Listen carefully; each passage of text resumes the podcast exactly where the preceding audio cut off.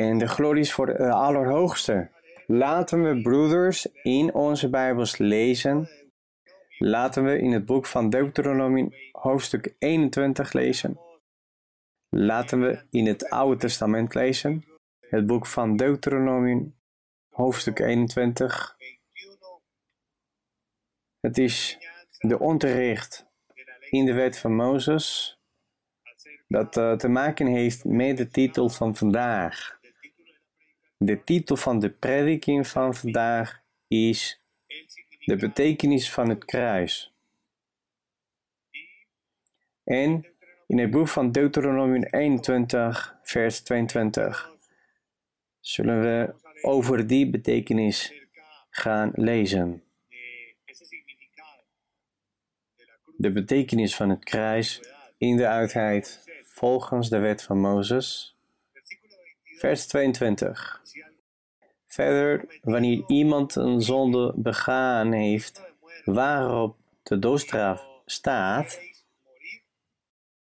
en hij gedood wordt en u hem aan een paal hangt, dan mag zijn dode lichaam niet aan de paal overnachten, maar moet hem beslist diezelfde dag nog begraven.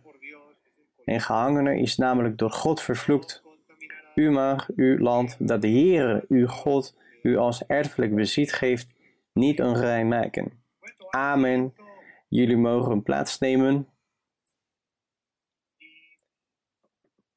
Dit hoofdstuk van het boek van Deuteronomium leert ons over de eerste betekenis die het uh, kruis in de Bijbel heeft. Het uh, verwijst naar een paal of een fysiek kruis. Dat is wat wij zojuist hebben gelezen in vers 22 en aan het eind van de vers geschreven staat. En hij gedood wordt en u aan een paal hangt nou, hier vinden wij die eerste betekenis. Dat was een kruis waar mensen werden gekruisigd. Dus diegene kreeg de maximale straf dat in de uitheid toegepast werd. Dit werd alleen voor de ergste misdaden. Staat in vers 22. Verder, wanneer iemand een zonde begaan heeft. Nou, als iemand een misdaad had begaan, niet zomaar een misdaad, maar echter een afschuwelijk misdaad, die de dood waard was voor die persoon. In andere woorden, werd dus ook voor diegene de maximale straf of sanctie opgelegd. Het resultaat werd dus gekruisigd worden of aan een paal hangen. In vers 23 staat: dan mag zijn dode lichaam niet aan de paal overnachten. En dat is met onze Heer Jezus Christus gebeurd. Hij werd gekruisigd als een uh, volkomen misdadiger. Hij werd gezien als een misdadiger voor diegenen die hem gekruisigd hadden. Hij werd beschouwd als de gemeenste van alle mensen. Een godlasteraar, een leugenaar, Iemand die zich voordeed als God. Hij was de ergste straf waard. Gekruisigd worden. Omdat hij de ergste misdaad had begaan. Hij was het dood waard. Hij werd beschouwd als de gemeenste van alle mensen. Alleen omdat hij gezegd had dat hij God was en dat hij Abraham had gekend en dat alles wat hij deed gedaan werd met de kracht van de Heilige Geest. Maar ze zeiden dat het niet zo was. Dat hij de Heilige Geest niet in zich had, maar dat hij een boze geest had en dat alle wonderen die hij verricht had, waren echter verricht in de naam van Beelzebub, de aanvoerder van de demonen.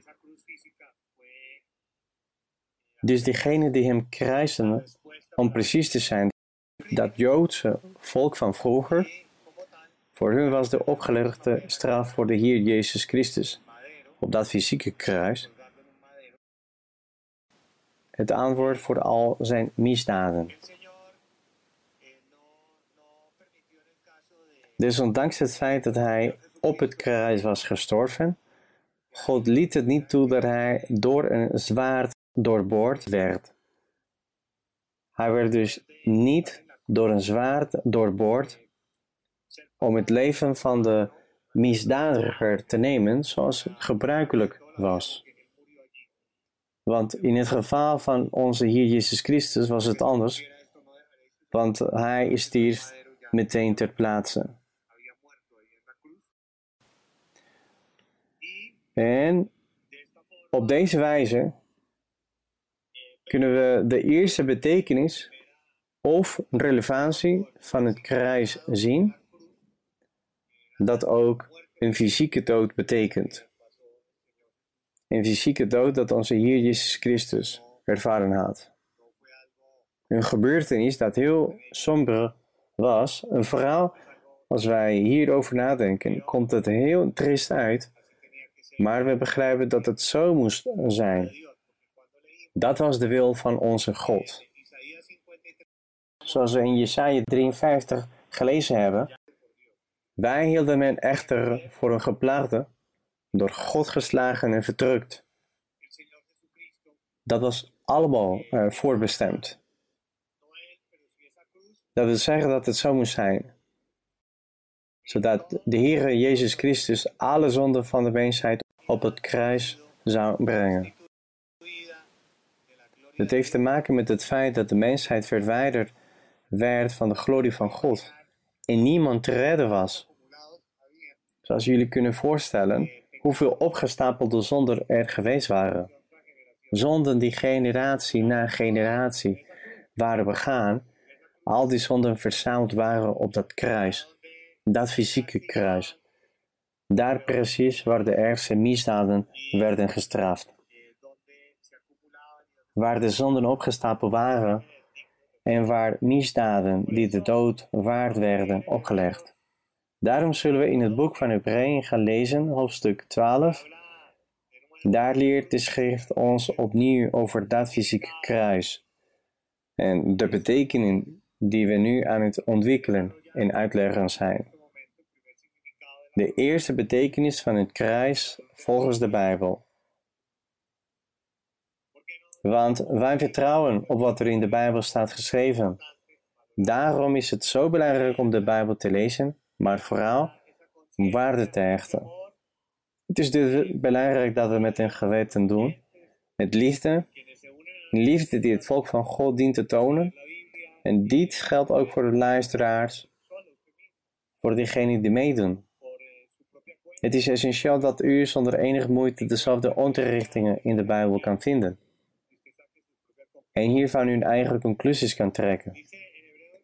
In Hebreeën hoofdstuk 12, vers nummer 2 staat geschreven: Terwijl wij het oog gericht houden op Jezus, de leidsman en volleider van het geloof, heeft om vreugde die hem in de vooruitzicht was gesteld, het kruis, dat fysieke kruis, vertragen.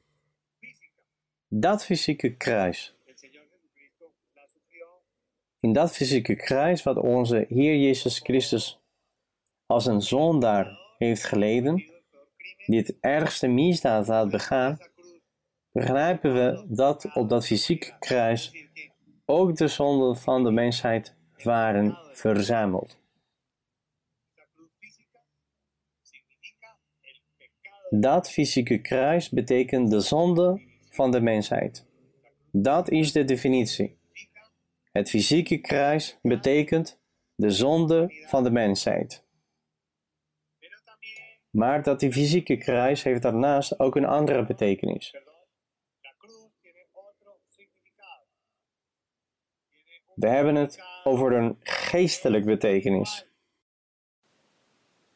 En die geestelijk betekenis vertegenwoordigt het lijden en de verdrukking die onze Heer Jezus Christus meegemaakt heeft. Dat lijden en verdrukking werd veroorzaakt door diegenen die hem doodden. Diegenen die hem kruisden. Diegenen die hem bespotten hadden. Want eh,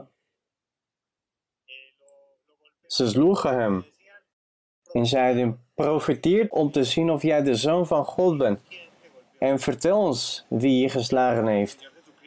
Maar de Heer Jezus Christus, zoals we in Jesaja 3 53 gelezen hebben, deed zijn mond niet open. Hij zweeg. Het uitlagen.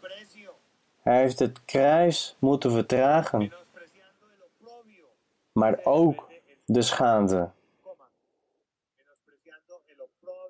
De schande. Ook werd hij door hun vernederd. En en el versículo 3 in vers nummer 3 dice, ya para staat, staat geschreven, en om alvast de geestelijke betekenis van het kruis in te leiden, ook al eerder aangeduid, was de betekenis van het kruis dat lijden en verdrukking betekent. Vers 3. al Señor Jesús, Want let toch scherp op Hem, onze Heer Jezus Christus, die zo'n tegenspraak van de zondaars tegen zich heeft vertragen. En dat was ook zo. Niet allemaal omdat de mensen die echt zondaars waren, ervan uitgingen en overtuigd waren dat de Heer Jezus Christus de meest gemene onder de mensen was.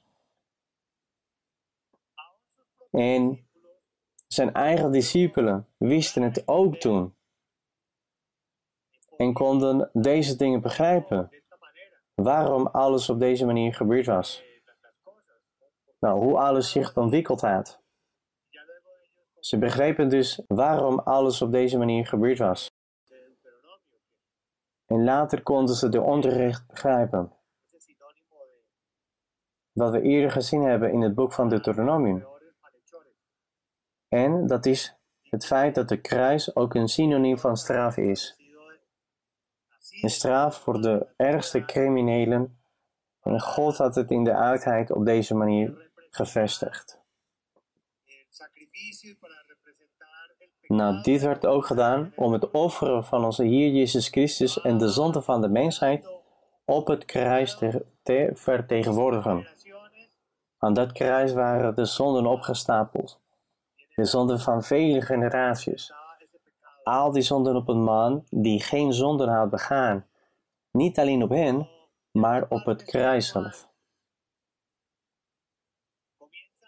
Nou, de apostel Paulus heeft de geestelijk perspectief van het. Cristo Wanneer komt op het feit dat wij als volgelingen de verdrukking en het lijden die de Heer Jezus Christus ervaren heeft, wij zullen het ook ervaren.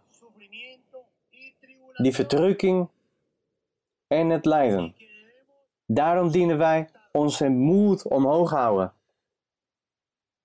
Wees gemotiveerd en val nooit flauw, zodat we waardige kinderen en volgelingen van onze God kunnen zijn.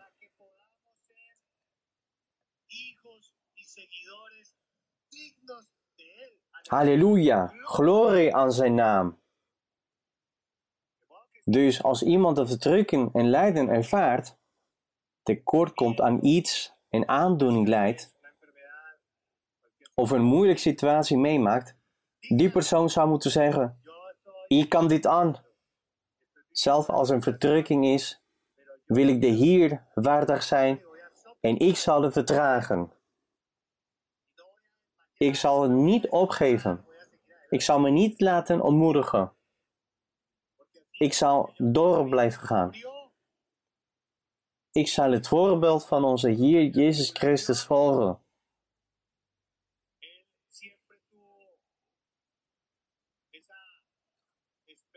Want hij had hoop. Hij had zijn ogen gericht op de Vader en ook op de beloften. Vandaag beleven wij hetzelfde. En waar eerder gelezen werd dat de Heer schaamte verachtte. Nou, de vraag is waarom? Omdat zijn vreugde voor de aanwezigheid van God stond. En hij aan de rechterhand van God zou komen te zitten. Prijs de koning van glorie. Ook vandaag hebben wij onze eigen motivaties. En wij lijden, maar we blijven stevig zonder onze moed te verliezen. Want onze hoop en ogen zijn gericht op dat eeuwige loon. Glorie aan de koning van de hemel. Daarom staat er aan het eind van vers 3, tres al final, no se opdat u niet verzwaakt en bezwijkt in uw zielen. We zullen dus niet bezwijken. We moeten ook rekening houden met het feit dat we ons nog niet tegen de zonde met bloed hebben verzet. Dat is dus waarom dat we een prachtige voorbeeld hebben gekregen. Een voorbeeld voor iedereen. En daarom dienen wij ons kruis te dragen. Dat geestelijk kruis. Het kruis die wij dragen zijn de beproevingen die wij ervaren, maar ook de vervolgingen van de boze. Wij zien dus dat dit een andere betekenis van het kruis is. Een geestelijk betekenis. Het lijden, de verdrukkingen, de vervolgingen van de boze, van onze vijand, dat onzichtbare kruis wordt door ons gedragen. In ons leven. Voor diegenen die de Heer willen blijven navolgen, voor diegenen die zijn voetstappen willen blijven volgen. Het zijn voetstappen van lijden en verdrukking van de Heer Jezus. Nou, dat wordt beter uitgelegd in Evangelie volgens Matthäus, hoofdstuk 10. Número 10. Matthäus, hoofdstuk 10. Laten we vers nummer 38 lezen. Mateo 10, versículo 37. Vers 37. Espero que estemos todos ahí. Ik hoop dat we met z'n allen daar zijn. Versículo 38. Y el que no 10:38. Wie zijn kruis niet op zich neemt en mij navolgt, is mij niet waard. En hier willen we allemaal de Heer waardig zijn, niet waar, broers? De glorie is voor onze God. Ik ben er zeker van. Ik weet dat we allemaal de Heer waardig willen zijn. En nu vraag ik: wie wil de Heer waardig zijn? Steekt uw hand op. Wij steken onze handen op. Wij willen de waardige volgelingen van de Heer zijn, omdat de Heer ons een groot voorbeeld gegeven heeft.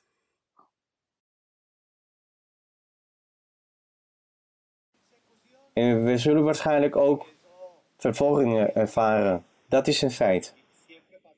En we kunnen het niet vermijden. Dat zal altijd gebeuren. We zullen vervolgingen lijden omwille van de Heer. En waarschijnlijk niet zomaar de vervolging, maar echte vervolgingen. Dat allemaal vanwege het feit dat u de Heer navolgt.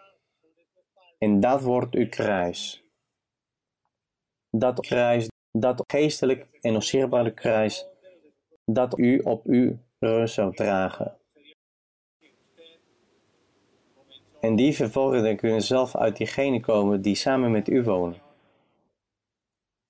U kan vervolgd worden door een familielid. Als we bijvoorbeeld achterkomen dat u de Heer navolgt. Nou, ze worden waarschijnlijk boos, omdat u een volgeling van de Heer Jezus Christus werd. Dat kan ook gebeuren met een bekende of een familielid. de Bijbel spreekt over onze naasten, mensen die het meest bevriend zijn met ons. Daarom kan de leer in alle gebieden van ons leven worden toegepast. Vers 34 staat: Denk niet dat ik gekomen ben om vrede te brengen op de aarde. Ik ben niet gekomen om vrede te brengen, maar het zwaard. De Bijbel heeft het over het zwaard, met andere woorden, vervolgingen. Dat was iets wat de discipelen ook zouden meemaken. ten tijde van de prediking van het evangelie van de Heer Jezus. Ze zouden zelfs door hun naasten worden vervolgd. De Heer zei dat hij gekomen was om te ze verdelen. Vader tegen zoon, moeder tegen dochter, schoonmoeder tegen schoondochter. De vijanden zullen diegenen zijn waarmee iemand samen in huis woont. Een zuster heeft onlangs getuigd. Haar vader werd opeens erg ziek. Ze begon in haar eigen huis door haar eigen broers vervolgd te worden. Het is een grote familie. Toen de broers hadden ontdekt dat ze naar de kerk kwam, begonnen ze zich tegen haar te verzetten. En dat is de kruis die we moeten dragen. Dat symbolische, dat geestelijke kruis. Geen fysieke kruis dus. De fysieke kruis is in het verleden achtergebleven. In de oudheid, samen met alles wat de Heer Jezus Christus gedaan heeft. Vandaag blijft het geestelijke kruis nog geldig. We leven nu in de tijdperk van de geestelijke kruis. Het onzichtbare kruis. Vanwege het feit dat de hier navolgen. Dat betekent lijden en verdrukking. Ze vertelde dus dat haar vader ziek was geworden door de COVID-19, het coronavirus. Haar vader was overleden. Dat was heel triest. Ze geeft aan dat de familieleden, haar broers, voelden veel pijn vanwege het overleden van de vader. Maar ze vreesden ook met grote bezorgdheid dat zij door de vader het virus hadden kunnen oplopen.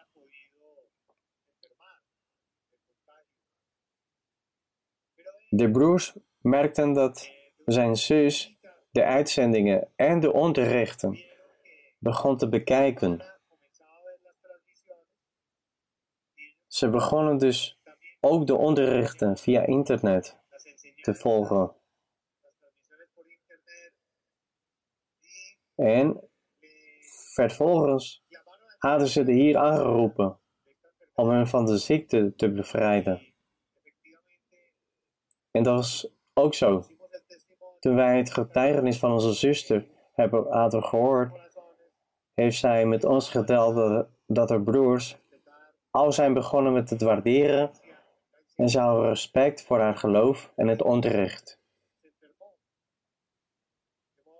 Wat ook heel mooi is, dat geen enkel van hun ziek werd. We zien dus hoe die een grote zegen werd.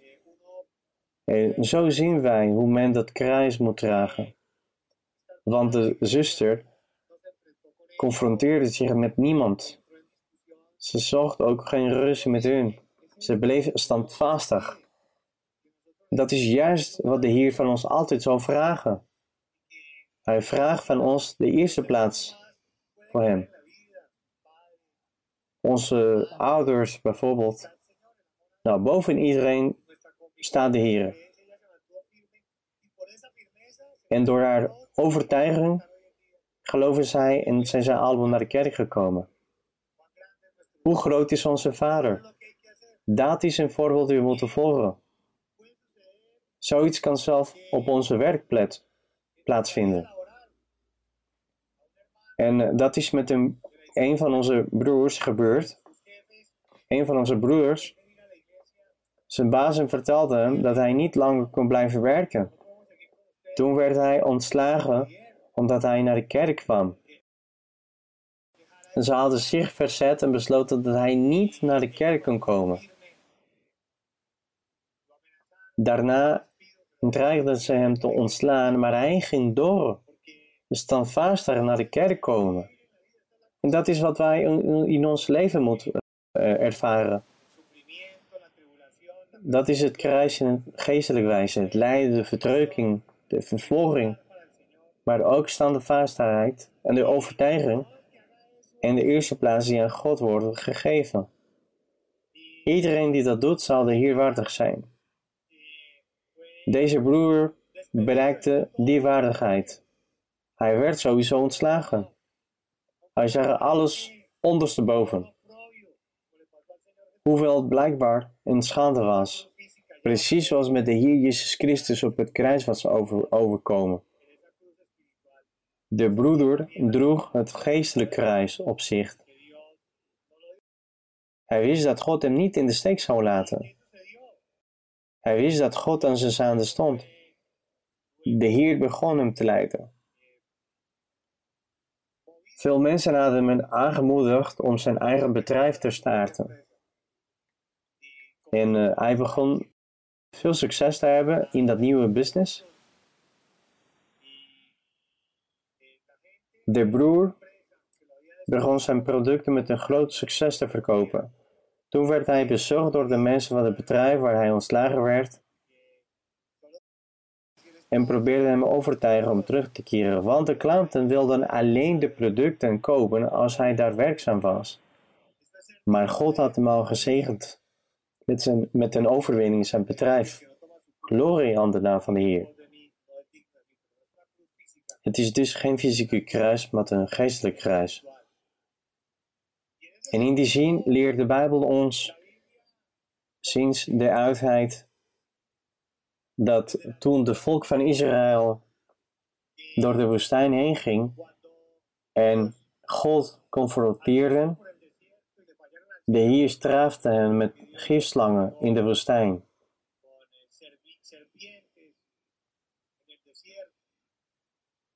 En eh, veel van hen waren gestorven. Toen gaf God een oplossing aan Mozes. Hij moest een bronzen slang oprichten.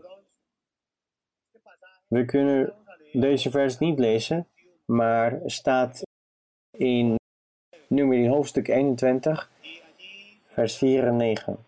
Daar wordt dus verteld hoe Mozes de koperen slang had gebouwd, een koperen slang, om u te testen.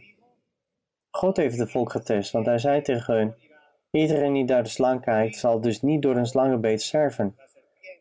Daarom moest iedereen er naar kijken om in leven te blijven.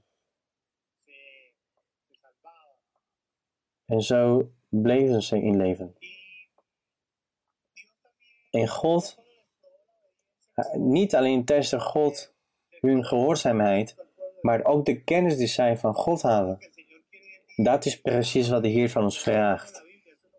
Er wordt van ons verwacht dat wij de Bijbel lezen, dat wij de Bijbel waarderen. Dat is wat de mensheid dient te doen.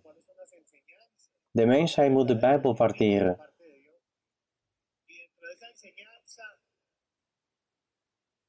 Binnen het kader van het onterecht leren wij de afgodendienst met de slang begon. Ook omdat zij de slang reukoffers aangebracht hadden. Dat deden ze voor de koperen slang. Het gebeurde dat een koning, Hiskia heette, had besloten afgodendienst onder het volk niet meer zou toestaan. We leren dat God in de oudheid dat toegestaan had, dat de wonderen alleen op dat moment werden gedaan. Het was een tijdelijke gebeurtenis. Achteraf zien wij dat het niet toegestaan was, omdat de Heer dat had verboden. Anders zou er geen zegen van God komen. Tegen die tijd in de woestijn werden genezingen gedaan, maar het was een tijdelijke oplossing. In ons leven dienen wij altijd permanente oplossingen gaan zoeken. solución luisterde God niet naar hun. En ze bleven reukoffers aanbrengen vanwege hun afgoderij. Ze dachten dat de slang naar hun zou luisteren. Koning Hiskia, laten we in eh, Tweede Koningen, hoofdstuk 18, rey Ezequías waar wij kunnen lezen dat koning Hiskia deed om afgoderij onder de volk te verwijderen. Hij verwijderde de koperen slang en vernietigde het. Dice en segunda de Reyes 18 Staat in Tweede Koningen 18, segunda de Reyes tweede boek van Koningen, hoofdstuk 18, vers 4. en el versículo Vers 4. Hij nam de overhoogten weg, sloeg de gewijde stenen in stukken en hakte de gewijde palen om. Hij verbrijzelde ook de koperen slang die Mozes gemaakt had, omdat Israëlieten er tot die tijd toe reukovers aangebracht hadden. Ezequías, dice la Biblia en el versículo 15, versículo 5. Nou, in vers 5, hij vertrouwde op de Heere, de God van Israël, zodat er na hem zijns gelijke niet was onder alle koningen van Juda. Dus, hieruit merken wij dat de volk van Israël de geboden die God aan Mozes gaf in Exodus, hoofdstuk 20, niet in acht hadden genomen. De geboden waren heel duidelijk. Als we de geboden lezen, kunnen we veel veranderingen vinden. En die veranderingen zullen we in het boek van Exodus lezen, hoofdstuk 20, en el versículo vers nummer 23. Exodus, hoofdstuk 20, 23. Want hij had gezegd: U mag naast mij geen goden van zilver maken. En goden van goud mag u ook niet voor uzelf maken. U mag naast mij geen goden van zilver maken. En goden van goud mag u ook niet voor uzelf maken. De leren van God is duidelijk. En leren zodat mensen dit bevel zullen respecteren.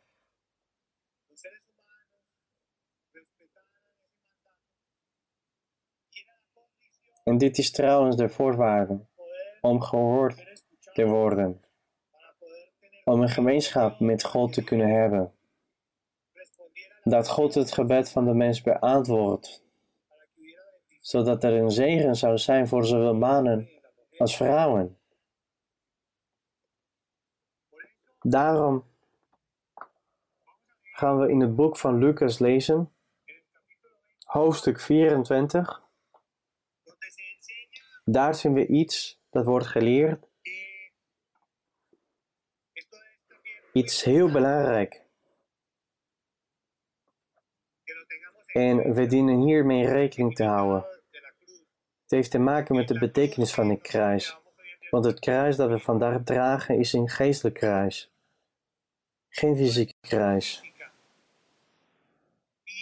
Hier, het bewijs hiervan is dat we onze Heer Jezus Christus navolgen.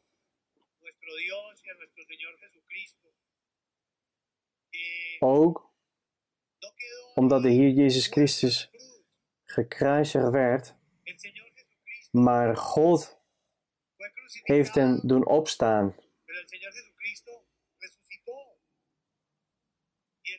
Daarom leefde hier Jezus Christus. Hij bleef niet aan het fysieke kruis hangen. Dat fysieke kruis was alleen geldig voor de representar om alle zonden van de mensheid te representeren. Het bewijs daarvan is dat de dag dat hij weer opstond, kwamen verschillende vrouwen naar het graf. Onder hen Maria Magdalena en ook andere verschillende vrouwen. Laten we vers nummer 1 lezen in het boek van Lucas, hoofdstuk 24, vers nummer 5, o mejor desde el versículo número 1, of betere, vanaf vers nummer 1. que el Señor no quedó crucificado Er wordt uitgelegd dat hij niet gekruisigd bleef. Hij stond op en hij leeft en hij blijft levend in de geest. Dice, veamos mejor en el verso 5. Betere, vers 5. Tuvieron temor y Toen zij zeer bevreesd werden en de gezicht naar de grond bogen, zeiden die tegen hun, waarom zoekt u de levende bij doden? Ere zijt God. Dit helpt ons de betekenis van een kruis beter te begrijpen.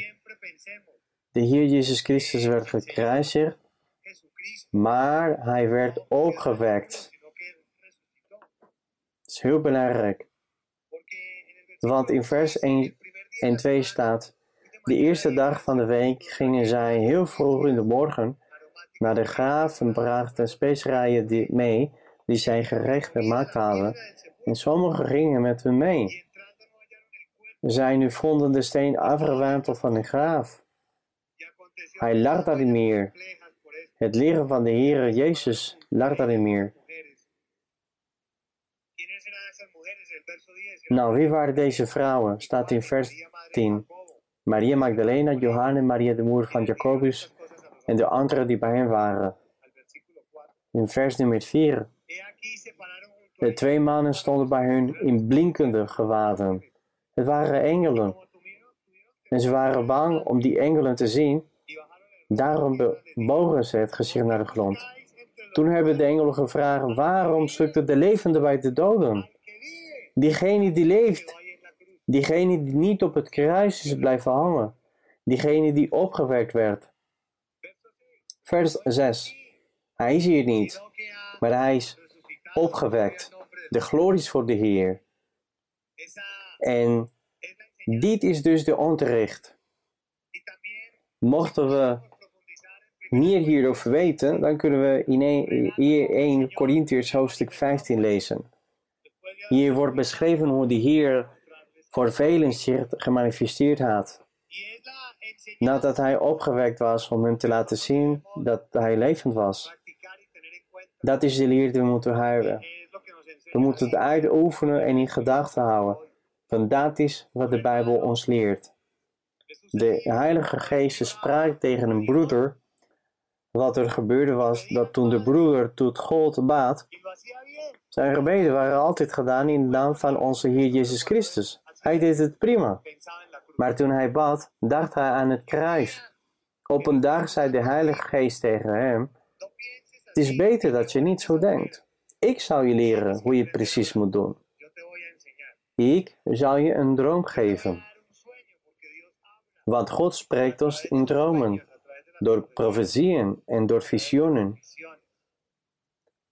Vervolgens deelde hij een droom die hij gehad had, waarin hij zichzelf zag. Hij begon te bidden zoals altijd deed. En hoe dienen wij te bidden? We doen met onze ogen dicht en onze handen naar God opheffen. Dus vervolgens bad hij in de naam van Jezus Christus. Op dat moment verscheen een lange gloeiend wezen. Hij kon zijn gezicht niet zien, maar de wezen was leven. De glorie is voor de Heer. En God wil ons dat vandaag leren. Dat de mensheid leert bidden. Dat de mensheid ter beschikking van God zich stelt. En als de mensheid iets aan God in de naam van onze Heer Jezus Christus vraagt, het dient gedaan te worden. Denkend dat God geen fysieke lichaamsvorm heeft. Onze God wil dat wij, als iemand biedt, dat diegene aan de geestelijke conditie van God denkt. Dat hij waard is en dat hij eeuwig is. De Heer is voor onze God. Laten we nu opstaan en tot de Allerhoogste bieden, eveneens de onderricht beoefenen. Op die manier zal God ons antwoorden. En ik ben ervan overtuigd dat jullie allemaal naar de weldaden van onze Heer verlangen. De glorie is voor Hem. Dit is hoe de mensheid de geschenken, de zalige sprekingen van Allerhoogste zal ontvangen. Onze ogen en handen naar de Hoogste opheffen. Doe het in de naam van de Heer Jezus Christus. En vragen, wetend, denkend dat Hij geest is. Here zijn God. Waar God is geest en wie Hem aanbieden, moeten Hem aanbieden in geest en waarheid.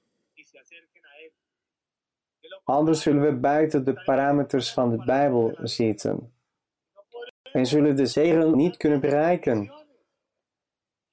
Zegen waarnaar de mensheid verlangt en streeft. De mensheid vraagt, maar ontvangt niet. Daarom dienen wij binnen de parameters van de Bijbel te zijn. Gezegende Vader, we danken u voor het geschreven woord, de Bijbel. We danken u voor het onderwijs, omdat u ons heeft geleerd om voor u te verschijnen. Om onze ogen te sluiten en onze handen naar u op te heffen. Knielen als dat kan. En de naam van uw Zoon, de Heer Jezus Christus, uitroepen. Zodat we beantwoord zullen zijn. Zodat we al uw weldaden kunnen ontvangen. Zodat we bevrijd van fouten kunnen zijn in onze geestelijk leven. Bevrijd van onze zwakheden, van zonde, toverij, nachtmerries en de kwaad van de vijand. de vervolgingen van de duivel, het lijden en verdrukkingen. Mogen de Heer onze lichamen bevrijden van ziektes, zoals het virus dat nu de mensheid aan het aanvallen is. Aandoeningen als kanker, ernstige en ongeneeslijke ziekten in ons leven, in onze hersenen en organen die onmisbaar zijn.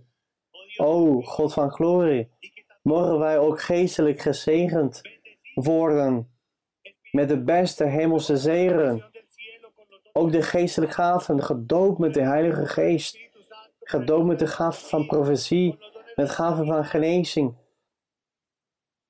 het onderscheiden van geesten, werking van krachten met goddelijk steun, met liefde voor God, met geestelijk vrijheid, met uw zegen over onze huizen, onze families, onze partners, onze kinderen, in ons beroepsleven, in ons dagelijks leven, ons eten, ons levensonderhoud en alles wat we nodig hebben om te leven. Mogen we God van glorie en zegen schenken. Halleluja, zo zal het zijn. Mogen allen die in deze levende God geloven hem met de ziel prijzen en de naam van de Heer Jezus Christus oproepen. Diegenen die voor de eeuwige Vader staan, mogen zij worden gezegend met de grootste zaligsprekingen van de hemel.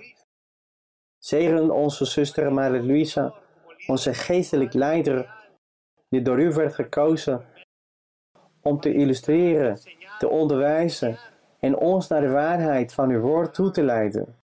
O God van glorie, en schenkt ons het beste van uw zegens, uw overwinningen, uw bescherming. Halleluja, dank dus God. We houden van u, gezegend is uw naam. Uw naam is boven alles. In de naam van onze geliefde Heer Jezus Christus. Amen. Machtig is de naam van de Heer. Hoe groot is onze God, onze geliefde Heer. Broeders, het is een eer geweest om het deze moment met u te mogen delen. God zegent u. Tot ziens. Glorie aan God.